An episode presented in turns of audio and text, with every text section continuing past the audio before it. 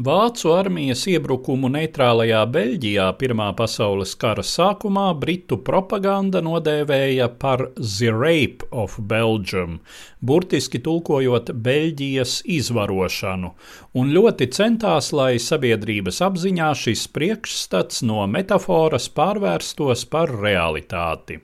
Tomēr jāteic, ka vācu okupanti Beļģijā tiešām pastrādāja virkni kara noziegumu, starp kuriem viens no barbariskākajiem bija Lēvenas pilsētas nopostīšanas akcija, kas turpinājās no 1914. gada 25. līdz 30. augustam. Lēvena atrodas apmēram 25 km uz austrumiem no Briseles. Pilsētas aizsākumi meklējami vēl 9. gadsimta beigās, taču savu zelta laikmetu tā piedzīvoja vēlajos viduslaikos un jauno laiku sākumā, kad šeit bija rosīgs tirdzniecības un tekstilrūpniecības centrs un Nīderlandē un Beļģijā vecākā universitāte. Arī 20. gadsimta sākumā Lēvena joprojām bija nozīmīgs kultūras un izglītības centrs ar 40 tūkstošiem iedzīvotāju un krāšņu gotisko arhitektūru. Vācu armija ieņēma Lēvenu 1914. gada 18. augustā. Naktī uz 25. augustu Beļģu armija veica strauju reidu vācu aizmugurē, izraisot tur jucekli. Līdz Lēvenai Beļģi netika, bet pilsētā izvietotais Vācu 31. rezerves kainieku pulks naktī sarīkoja panisku šaudīšanos. Pēc vienas versijas uz pilsētu atkāpusies kāda vācu daļa, kuru viņu tautieši noturējuši par ienaidniekiem un izcēlusies apšaude starp savējiem. Pēc citas versijas paniku izraisījis pilsētā tumsā ieauļojis noklīdis zirgs, kas okupantiem norēgojies par kavalērijas uzbrukumu. Pulka kaujas žurnālā gan rakstīts šādi: apmēram 5. pēcpusdienā uz 84. rezerves kainieku pulku tika šauts Bīkenē, tajā pat laikā mūsu vienība piedzīvoja uzbrukumu Lēvenā. Tika veikti stingri pasākumi partizāņu un bandītu apkarošanai.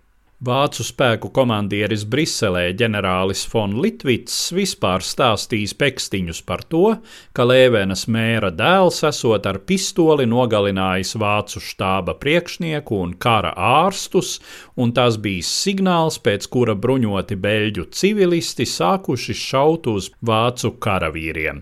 Tāpēc Lēvenā bijis jāsarīko atriebes akciju, kas atturētu beļģus no līdzīgas rīcības citur. Iedzīvotājiem tika pavēlēts nekavējoties pamest viņu mājokļus, daudzus vīriešu dzimuma pilsētniekus arestēja, dažus nošāva uz vietas, citus nedaudz vēlāk. Pavisam tika nogalināti 248 pilsētnieki. Tos desmit tūkstošus lēveniešu, kuri tobrīd vēl nebija pametuši pilsētu, piespieda doties prom ar teju to, kas katram mugurā.